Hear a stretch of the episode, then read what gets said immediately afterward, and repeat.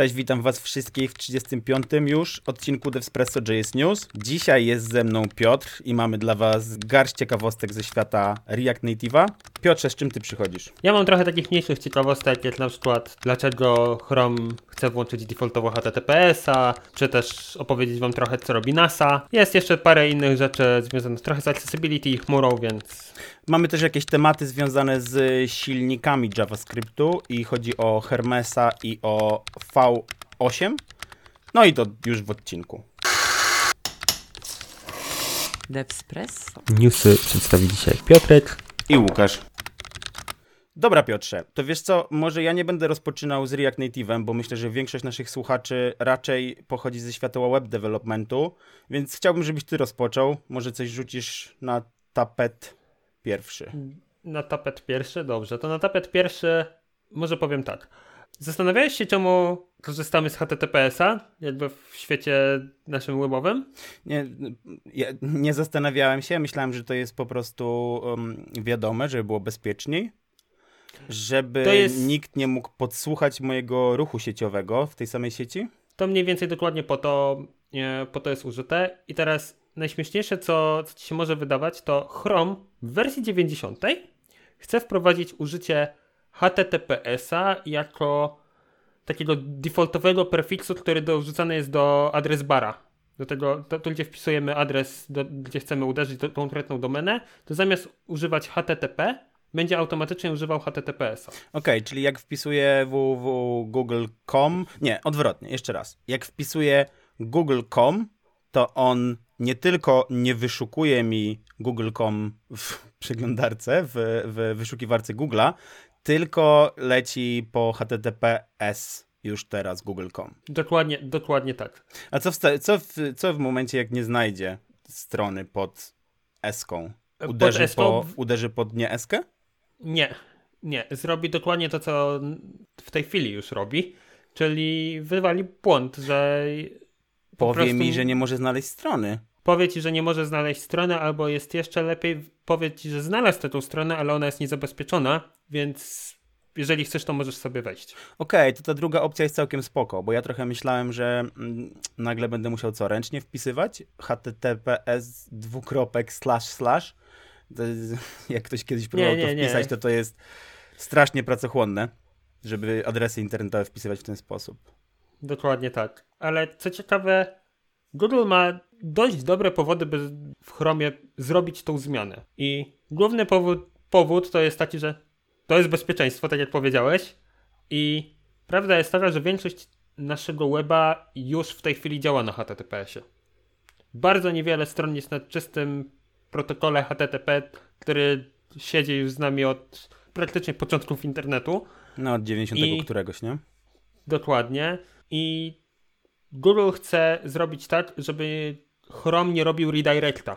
Bo to, co się w tej chwili dzieje, to jak wpiszesz sobie przykładowo example.com, to on robi najpierw uderzenie pod HTTP, widzi, że jest redirect do HTTPS-a, więc dostaje informację do przeglądarki, że hej, header 301 jest do HTTPS-a i uderza z HTTPS-em ponownie i dopiero wtedy dostaje 200. Czyli chcesz powiedzieć, że ten dobry ich dobry powód to szybkość? Tak, chcą zrobić, żeby, żeby szybciej dostawał strony. Mhm. To, to będą mil, naprawdę milisekundy i pewnie dla pani Trysi z warzywniaka nie będzie to robić różnicy, ale dla nas, jako web deweloperów, może zmienić dużo, jakby, bo będziemy wiedzieć, że już nie ma przekierowań. Wiesz co, ja myślę, że to zmieni tyle, że jak ktoś będzie miał swoją stronę postawioną na HTTP bez eski, E, no bo wyobraź sobie, nie wszystko potrzebuje być zabezpieczone. No jak mhm. mam jakieś swoje jakieś portfolio, no to chcę, żeby wszyscy mogli je zobaczyć. Tak naprawdę nie potrzebuję go szyfrować. No i właśnie mam jakąś swoją hobbystyczną stronę, no to będę musiał linka do niej podać z protokołem. Nie będę mógł napisać www.łukasz.com czy coś takiego, tylko będę musiał napisać http. Chociaż istnieją już domeny i to właśnie domeny sprzedawane przez Google. Ja posiadam taką domenę .app i one wymagają mhm. od tego, żebyś miał e, HTTPS-kę tam. Bardzo dużo już jest elementów, na przykład mm, Cloudflare, który jest chyba najbardziej znanym CDN-em na świecie, takim największym. Oni w swoim setupie domenowym mają coś takiego, że możesz z automatu zrobić jednym, jednym po prostu przy, przyciśnięciem, jedną opcją włączyć sobie redirect już na HTTPS-a. Czyli Mhm. ktokolwiek do ciebie wchodzi, to automatycznie jest HTTPS nakładany na domenę. To jest naprawdę, naprawdę fajne i no i większość, mówię, większość weba już działa, więc jakby wcale się nie dziwię, że Chrome e, właściwie Google, Nie, tak? o, oczywiście, jasne, że tak. No, HTTP ma tam powiedzmy 30 lat i jest już nowszy protokół, lepszy protokół. Yy, tak naprawdę, jak ktoś chce stawiać stronki, to niech stawia już od razu z certyfikatami. Dobra, a jako, że jesteśmy programem newsowym, a, nie, a nie rozmowowym, no to ja czekałem z tym newsem dwa tygodnie, żeby go przedstawić. Bardzo się cieszę w ogóle, że dzisiaj mogę tu prowadzić, bo wyszedł nowy React Native. Jak wiesz, ja jestem React Native deweloperem. Ja śledzę zawsze e, nowe wersje, kiedy wyjdą, jakie są bety i tak dalej. E, kiedyś te nowe wersje React Native'a wychodziły częściej, jakieś średnio raz na dwa miesiące, może nawet. E, w tym momencie musieliśmy czekać na tą wersję z 63 do 4, no, z 5 miesięcy chyba od listopada. Coś tak mi się wydaje. Może na... nie, dłużej. Myślę, że poprzednia wersja była dużo przed listopadem. Ale zanim przejdę do tego, co jest w nowej wersji React Native'a, to chciałem Ci opowiedzieć historię, jak ja w ogóle odkrywałem świat React Native'owy. Ja to robię od trzech lat i jako gdzieś tam React Native Junior Developer chodziłem sobie po jakichś repozytoriach i często wśród repozytoriów, wśród artykułów e, na na przykład React Native e, Radio podcaście, tam było zawsze dużo Polaków. No i tak się zastanawiałem, ej, coś tutaj jest taka nad, e, nadreprezentacja, powiedziałbym, nie? Jakiś tak Polaków. Byli ludzie ze Stanów, jacyś inni ludzie z Francji na przykład, ale też dużo ludzi z Polski.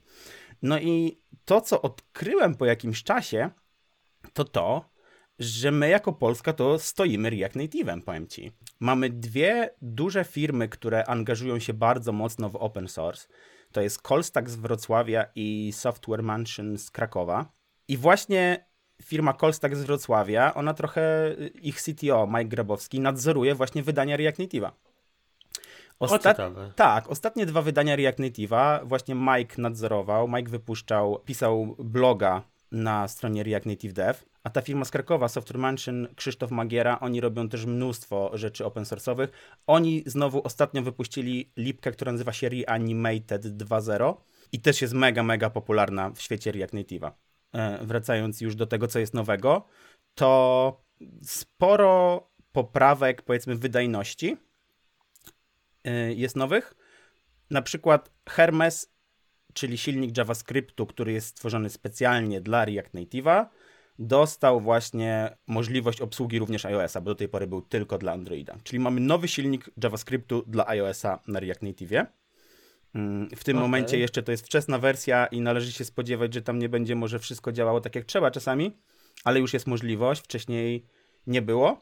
A możesz mi przypomnieć, jaki był poprzedni silnik? Tak Wiesz co, używany? poprzednio React Native e, ma Hermesa od powiedzmy jakiegoś roku, może trochę dłużej. Wcześniej iOS działał całkiem spoko, znaczy do tej pory, bo iOS ma swój własny silnik JavaScriptu gdzieś tam wbudowany w system. Natomiast Hermes powstał dlatego, że Android dobrze nie działał z silnikiem JavaScriptu, który miał wbudowany. To było chyba JSC to się nazywało.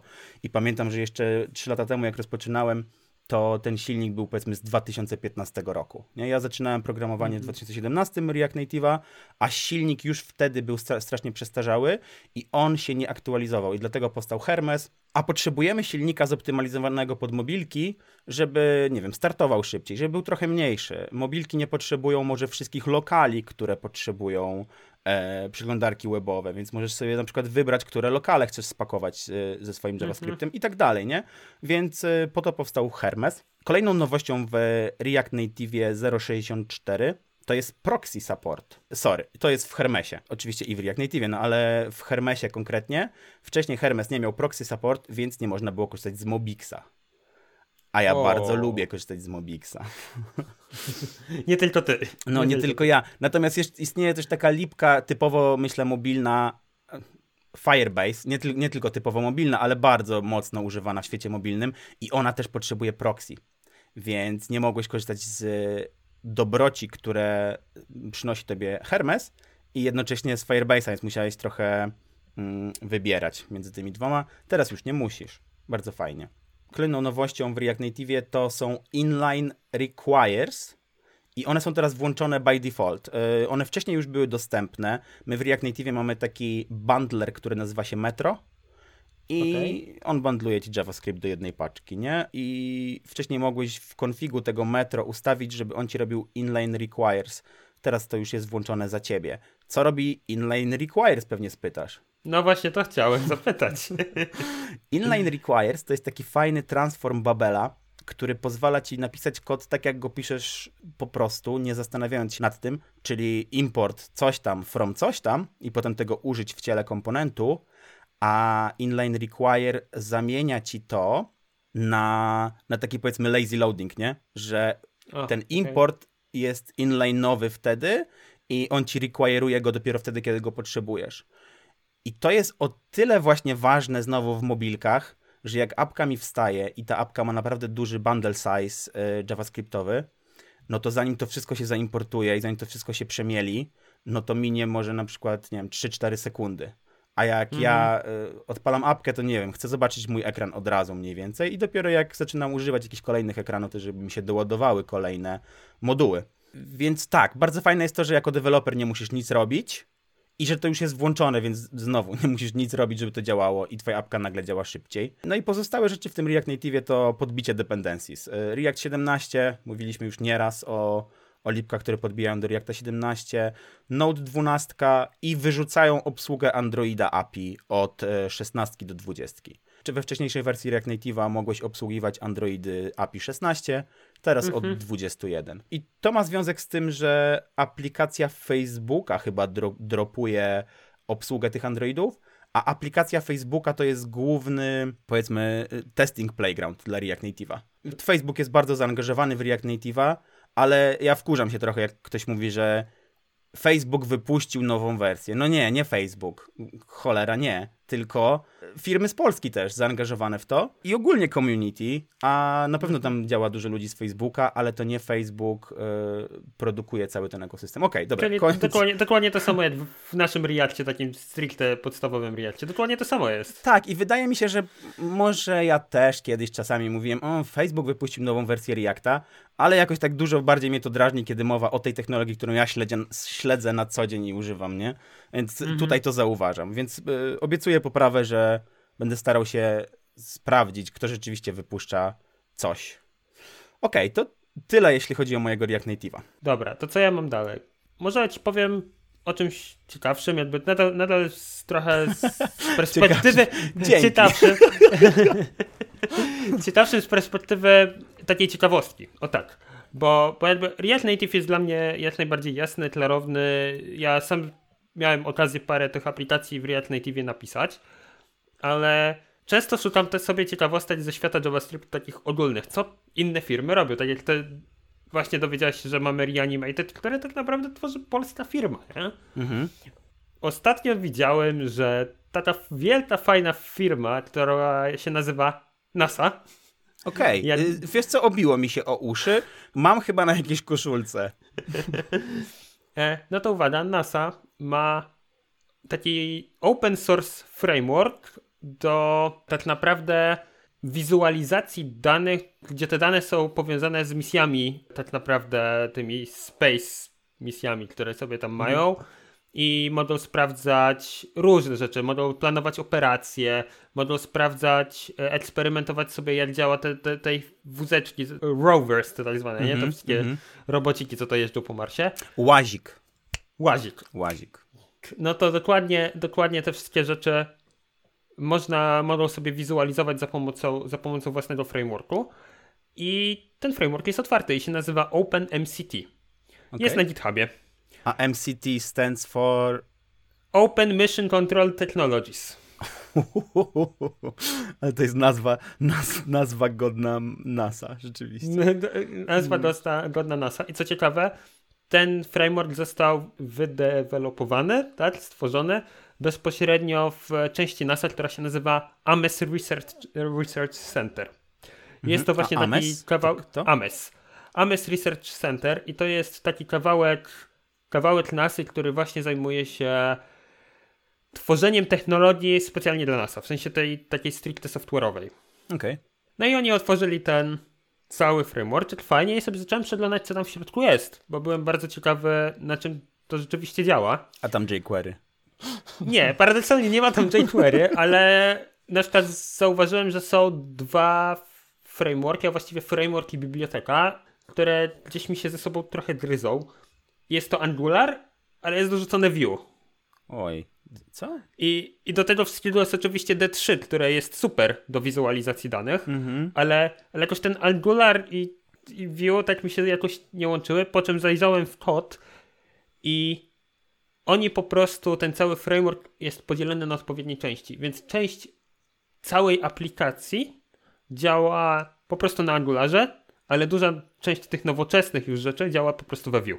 Okej, czyli m- można gdzieś tam wyekstrapolować myśl, że może piszą ją od pięciu lat, rozpoczęli pisać ją w Angularze, a skończyli ją pisać we Vue.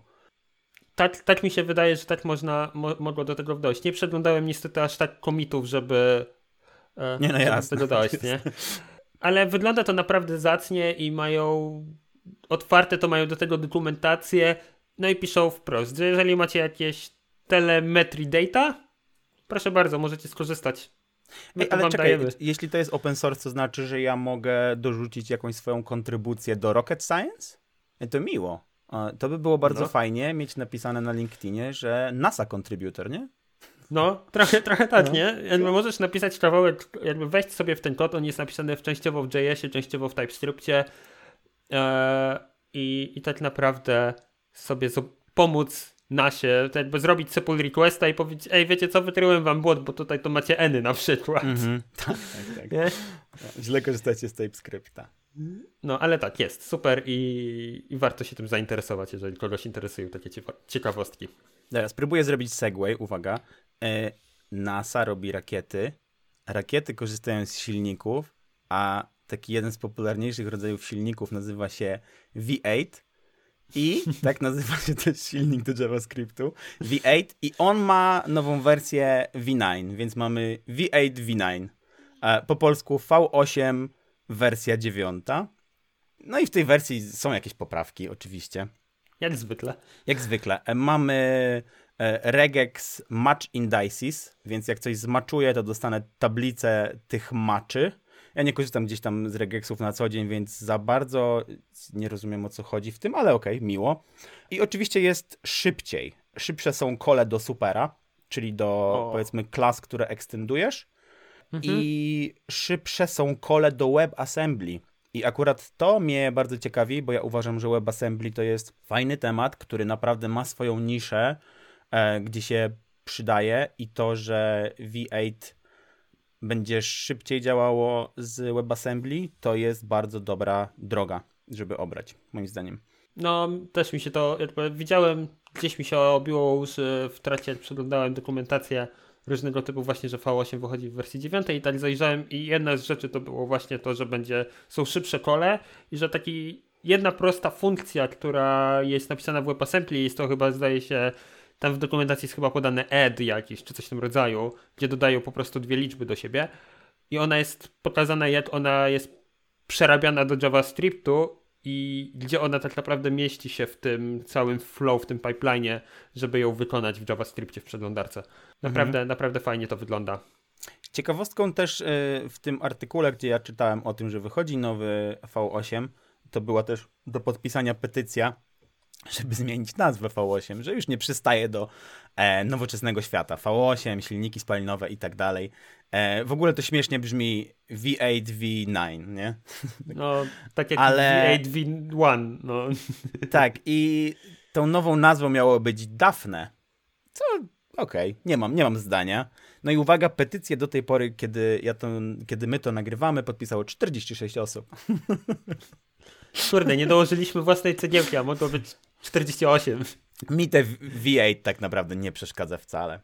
A, i y, byłbym zapomniał, tak naprawdę mam do ciebie pytanie, bo mi się skojarzyło, że był ostatnio Chrome 90 i że wcześniej był Chrome 80 oczywiście. Czy releasy V8, one mają coś wspólnego z releasami Chroma? One są jakoś y, mm, mm, mm, powiązane ze sobą, tak? Bo Tak, to by była tego, bardzo pamiętam, duża zbieżność nazw. Z tego co pamiętam, to tak jak mówiłem wcześniej, ten jakby Chrome 90 jeszcze nie wyszedł, jesteśmy w tej chwili tam oficjalnie to jest chyba 89.0.44 coś tam, coś tam. Oni mają te, te jeszcze minory rzeczywiście jakby jest powiązanie samej wersji Chroma z silnikiem V8, no bo Chrome korzysta z V8 pod spodem. No tak, tak, ich, tak. Ich chyba Chromium samo w sobie, nie wiem, czy też nie korzysta z V8, jak dobrze pamiętam. To jeszcze ja taką szybką, ciekawą, ciekawą ciekawostkę, jeśli właśnie chodzi o React Native'a, silniki React Native'owe i V8, że jak ja robię apki w React Native i debuguję je w Chrome, to one wtedy odpalają się na silniku, który jest w Chrome, czyli na V8. I na przykład jak pracuję na momentach, to często moment zachowuje się inaczej na różnych silnikach. Mhm. I o tym trzeba właśnie pamiętać. Dobra, więc to by, to by było na tyle, jeśli chodzi o V8, V9. Przejdźmy dalej. To może teraz coś z poziomu tego, nie wiem czy korzystasz ze Storyboota. Nie. Nie, nie korzystasz ze Storyboota. Głupio się przyznać, ale nie. Ale obiło mi się uczy, oczywiście. I każdemu, i na pewno w świecie Reacta jest, to jest chyba jedno z tych narzędzi, które gdziekolwiek ktoś słyszy, że będą robić komponenty, to od razu jest storybook. Ja chcę storyboota, nie chcę nic innego. Mhm. No więc jak dobrze się przyjrzysz, to storybook właśnie w tej chwili wspiera Reacta i od chyba teraz już, z tego co pamiętam, to od wersji dokładnie 6.2 będzie wspierał Svelte tam Svelte, jak to tam się wymawia. I Svelte... Svelte e, po polsku. Svelte po polsku. Svelte po polsku Svelte. I, I ciekawa rzecz jest taka, że jedna rzecz to ten cały support dla Svelte był pisany w TypeScriptie w 100%. Jest zero config setup with built-in TypeScript support w ogóle, więc jeszcze tam TypeScript, sam w sobie support był pisany w TypeScriptie, a gdzieś do, się dokupałem, to jeszcze jeżeli ktoś pisze w TypeScriptie z Svelte, to proszę bardzo, będziecie mieli komponenty i jest wsparcie dla tego. Oczywiście te wszystkie autogenerowane kontrolki, dokumentacje i tak dalej, i tak dalej, i tak dalej. Więc jeżeli ktoś pisze w tej chwili w Svelte na co dzień, no to proszę bardzo, możecie teraz wykorzystać Storybooka do zrobienia sobie dokumentacji tych komponentów, które macie. No i super. Svelte się rozwija. Svelte po angielsku. nie wiem. Nie wiem, szczerze mówiąc. Proszę, proszę nie uważać mnie za autoryteta od Svelte, Svelte, a szczególnie od wymowy. E, ale fajnie, że się rozwija, bo tak jak wiemy, walczy o trzecie miejsce. Pewnie w, mm. gdzieś tam w wojnie frameworków, bibliotek. Znaczy Angular nie odda szybko tego podium, ale myślę, że Svelte go dogoni za jakiś czas. No, pewnie, pewnie tak. Dobra, to teraz coś może ode mnie znowu, ale z poziomu chmurki. I to nie jest ulubiona moja chmura, ale e, jakby ja trzymam pieczę i gdzieś tam szukam sobie elementów w każdym elementów, czy to jest Azure, czy to jest GCP, czy, czy też AWS. No i wyobraź sobie, że AWS ostatnio ogłosił, że mają kolejny element do swojej chmury dołożony. Mhm. I tym czymś jest S3 Object Lambda.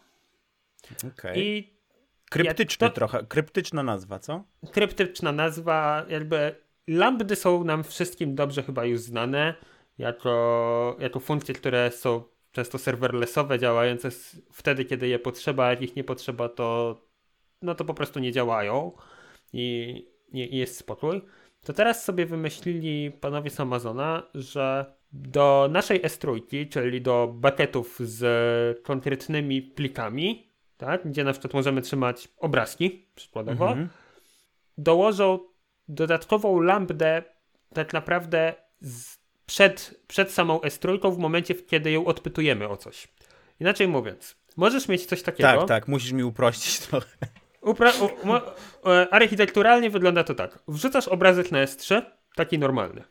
Ale na wyjściu, w momencie, kiedy ty odpytujesz o obrazek, to on może na przykład mieć nałożony filtr.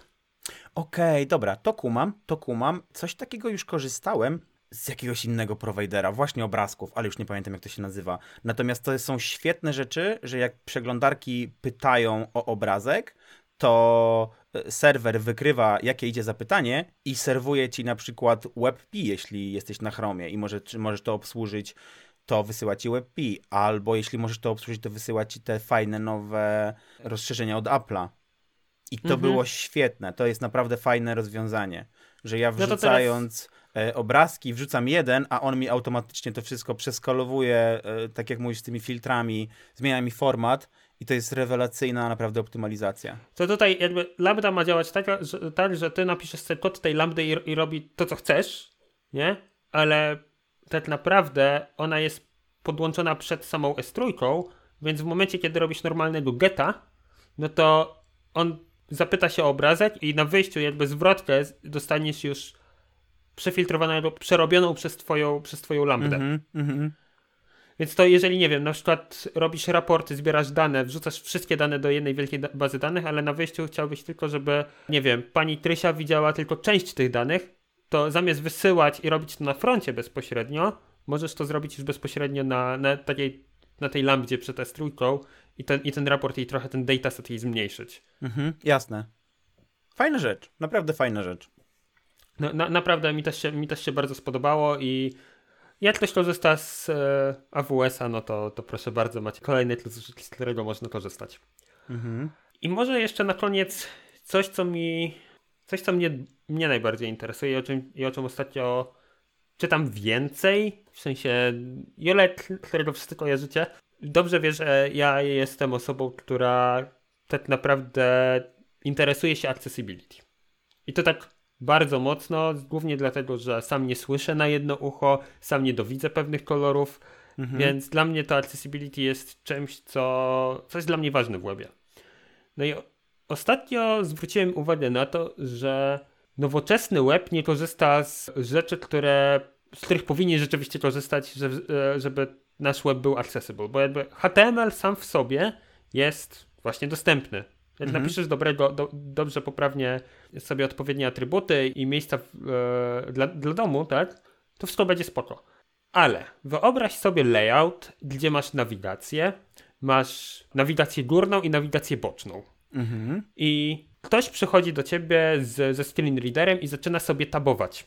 No. No i teraz, żeby się dostać do twojego głównego kontentu, którym jest na przykład artykuł pomiędzy z, z obok tej bocznej nawigacji, To on musi nacisnąć taba 30 razy. Dokładnie. Dokładnie. I teraz jest coś takiego, e, co się nazywa skip links. Jest to część całego tego w, WCAG, czyli standardu do accessibility w webie. I nie tylko w webie, bo do mobile też to się wkłada. Tak, ja w ogóle miałem zrobić dygresję, że czytałem również artykuł o React Native właśnie, że musimy stać się bardziej accessible Hmm. i właśnie, że powstaje jakiś ruch, fundacja, nie wiem, e, w React Native właśnie o to, żeby e, zrobić nasze aplikacje bardziej przyjazne. Hmm. No, Więc tak, tak, To- tak, to o, mega ważna sprawa, oczywiście. to jest mega ważna sprawa, no i skip link jest tą częścią, którą powinniśmy dodawać, głównie jest ona do weba, tak naprawdę, bo, on, bo skip linki służą do tego, żeby pojawiły się na stronie w momencie jak, pierwszy to jest, powinien być jako pojawiający się pierwszy element w momencie, kiedy zaczynasz tabować. To jest pierwszy element i, i on ci mówi, jest to zwykły link, który mówi przejdź mi do głównego kontentu. Mhm. No tak, I to, jest. I to jest bardzo prosty A z prostym hrefem, który ma odzwierciedlenie do konkretnego ID w domie. Mhm. Koniec. Super prosta rzecz, ale się okazuje, że nikt tego nie implementuje. I nikt tego nie implementuje. No i więc e, sprawdzono, jak wygląda research wykorzystania skip linków, jeżeli one są. No i się okazuje, że 30% screen readerów korzysta ze skip linków. Aha, W sensie, czyli nikt tego nie implementuje, ale większość e, osób, które chciałyby z tego korzystać, korzysta. tak, jeżeli byłoby Mhm. dostępne, to oni by z tego korzystali. Okej. Więc warto o tym pomyśleć, jak piszecie nową stronę, czy też będziesz pisał nową stronę jako coś, żeby dodać taki element, który jest linkiem A z dodatkowym hrefem, jest wrzucony na samą górę i teraz uwaga, za pomocą CSS-a po prostu go ukryć. I ukryć go w taki sposób, że robisz go absolutem, wrzucasz sobie top na przykład jeden, jeden piksel, jeden Nie rem. no, minus. Nie, poczekaj, właśnie robisz topa, żeby był u góry i leftujesz sobie minus 999 tysięcy rem. Okej. Więc on jest okej. wyrzucony gdzieś daleko i później robisz drugi element, który jest po prostu na focus. No bo jak Mhm. to jest, to się fokusujesz, więc w momencie jak jest focus, to zmieniasz lefta na nie wiem, dwa piksele. na plusie i wtedy Mhm. on ci się pojawi. Okej. I naprawdę, naprawdę fajna rzecz i, i warto, warto z tego korzystać, jeżeli ktoś chce być accessible. No to tak, ja jak najbardziej zachęcam do tego, żeby dobrze i mądrze budować strony internetowe i aplikacje również, żeby były accessible, jasne. Ode mnie to tyle. Ja nic więcej nie mam. Okej, ode mnie to też tyle. Chciałem tylko powiedzieć, że y, poprzedni React Native wyszedł, tak jak mówiłem, nie w listopadzie, tylko e, w wakacje, więc ponad pół roku temu, a tą accessibility z React Native'a to jest właśnie post z, z 8 marca i e, nazywa się tak, że Facebook was the first company to take GAAD pledge i że ten Mhm. GAAD pledge teraz jest właśnie również e, jako fokus React Native'a, żeby React Native'a zrobić bardziej accessible. Super, bardzo dobrze. Dzięki Ci Piotrze, że dołączyłeś do mnie tym razem do odcinka. Fajnie było z Tobą się spotkać, pogadać. Zachęcamy Mi też było słuchaczy... bardzo miło. Zachęcamy słuchaczy do lajkowania, komentowania. Jeśli macie do nas jakieś pytania, to możecie się odbić, odezwać na jakiegoś priwa czy coś bez problemu albo w komentarzach. I dzięki. Do następnego. Hej. Do następnego, cześć.